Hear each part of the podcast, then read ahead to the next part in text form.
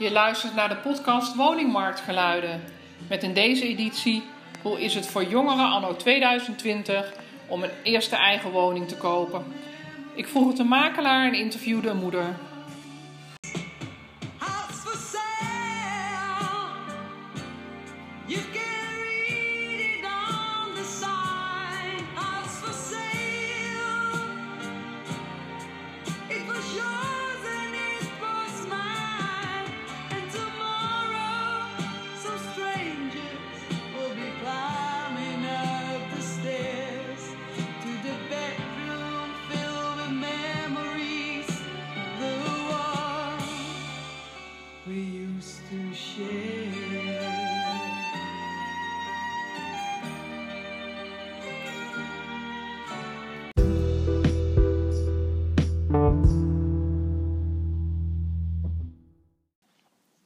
Wat is uw mening als je het hebt over de positie van starters op de woningmarkt?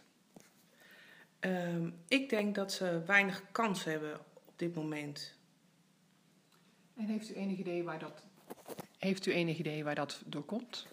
Ehm, ik denk dat het komt omdat de prijzen van woningen op dit moment he- heel erg hoog liggen.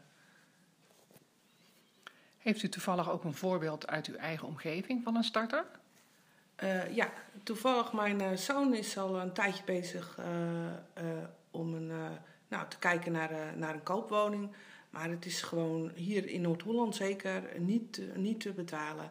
En mijn zoon heeft een goede baan, maar ook dan wordt, is het gewoon heel lastig. U geeft aan dat de prijzen ehm, een probleem zijn. Zijn er nog meer problemen voor de starters? Ehm, ja, dat denk ik wel. Eigen geld. Er moet tegenwoordig eh, eigen geld eh, ja, moeten ze meenemen. En eh, ja, dat is denk ik gewoon heel lastig voor, voor heel veel jongeren, denk ik. Of de starters. En denkt u dat er wel genoeg woningen beschikbaar zijn? Ehm, nou, dat, ja, daar twijfel ik een beetje aan. Ik denk dat, eh, dat er gewoon voor de jongeren, voor de nieuwe starters eigenlijk, ehm, te weinig woningen zijn die betaalbaar zijn voor ze. Dus het ligt in een bepaald segment. Ja, ja, dat denk ik wel. Ja.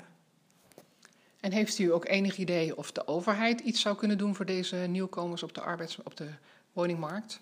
Nou ja, ik denk, er zijn wel eh, bepaalde eh, regelingen. Eh, die weet ik, ja, daar weet ik niet zo heel veel van. Maar ik heb wel gehoord dat er bepaalde regelingen in zijn. Maar ik denk dat het niet genoeg is voor ze. Ja, dat denk ik. Ja, dus de overheid zou nog wel iets meer kunnen doen, Ja. maar ehm, mogelijk op een ander vlak. Ja, ik weet niet zo goed welk vlak. Daar heb ik, zover heb ik me niet, eh, me niet ingelezen, dat weet ik niet. Maar ik, eh, ja, ik denk dat de overheid meer moet gaan doen. Want die jongeren komen gewoon, die, de starters komen niet aan de bak. Die komen niet eh, aan een woning op deze manier. Hartelijk dank. Ja.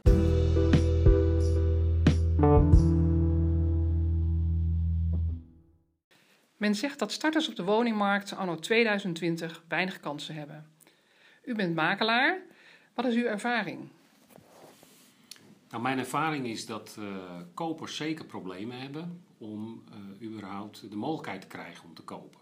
Er is momenteel weinig aanbod. Prijzen lopen op vanwege de schaarste.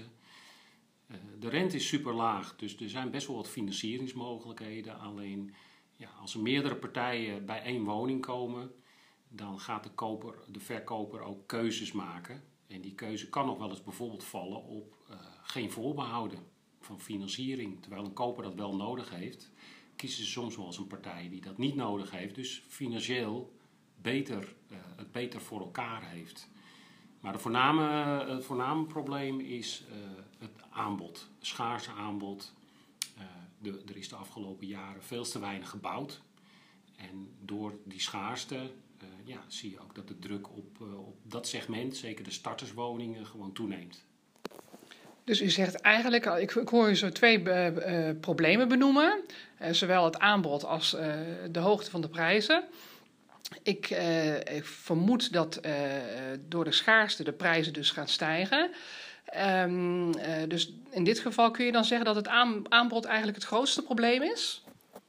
Het aanbod is, is een van de grote problemen, want ja, doordat er te weinig aanbod is, er is heel veel verkocht de afgelopen jaren, dat we zijn van een overschot naar een groot tekort gegaan. Ja, dat, is, dat, dat, dat heeft allerlei neveneffecten. Onder andere ook ehm, het feit dat eh, bepaalde delen van Nederland goedkoper zijn dan bijvoorbeeld de Randstad. En Randstadders eh, nou ja, zich al meer begeven buiten eh, de ring waar ze eigenlijk zouden willen wonen. Thuiswerken, de mogelijkheid van thuiswerken biedt natuurlijk meer kansen op dit moment. Om ook buiten de stad te gaan wonen, omdat dat heen en weer rijden minder van belang is. Ja, en nou, uiteindelijk zie je dus mensen met een grotere portemonnee deze kant op komen. En eh, soms ook tussenwoningen eh, wegkapen met een, eh, met een bieding die 10 tot 30 procent hoger ligt dan de vraagprijs. Ja, dus, de- dus eigenlijk, u zegt deze categorie van mensen die verdringt dan eigenlijk de, de groep van starters. Nou, die, dat zie ik gebeuren. naast het feit dat de regio de eigen behoefte eh, na- naar woningen natuurlijk ook groot is. En ja, niet om het een of ander, de verkoper wil uiteindelijk de beste prijs tegen de beste voorwaarden. Nou, dat creëren door iedereen een kans te bieden om het te bekijken. Vier van de vijf woningen worden tegenwoordig bij inschrijving verkocht.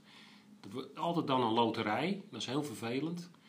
Maar voor een verkoper eh, is dat de manier om de hoogste en of, en of beste prijs eruit te halen. Het hoeft niet altijd de hoogste te zijn. In ieder geval als de voorwaarden uitstekend zijn, dat men dan kiest voor het beste voorstel.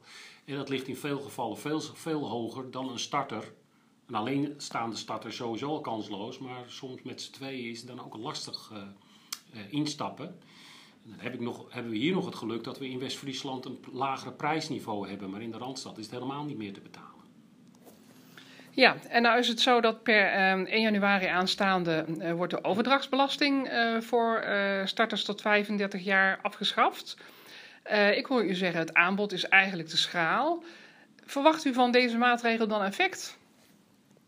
Ja, dat de verkoper meer, meer, nog meer gaat vangen. Oké, maar dus, dat is dus niet in het belang van de starter. Nee, het is, het is ook een regeling die zonder enige dwang wordt opgelegd, waarbij eh, eenzijdig er een voordeel ontstaat. Ehm, en dat betekent dat eh, de verkoper nog altijd marktwerking eh, voor laat gaan.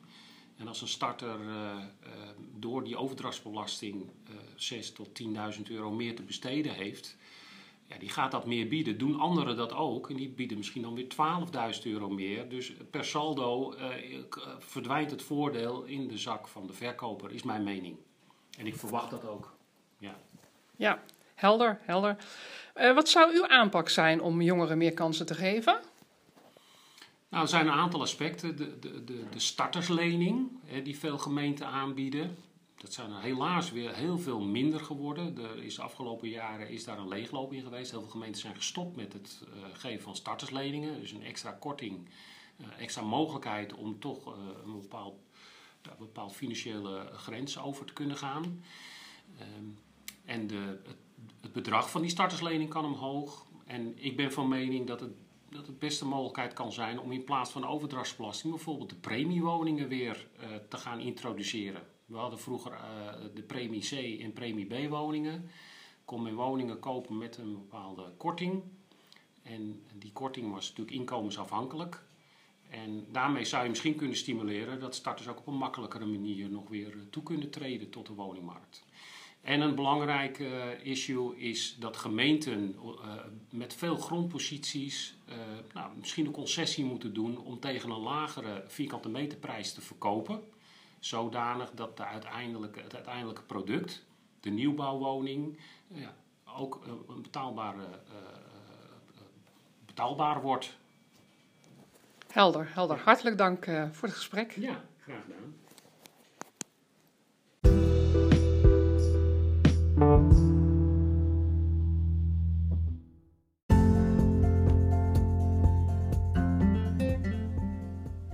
Dit was editie 1 van de podcast Woningmarktgeluiden over starters op de huizenmarkt.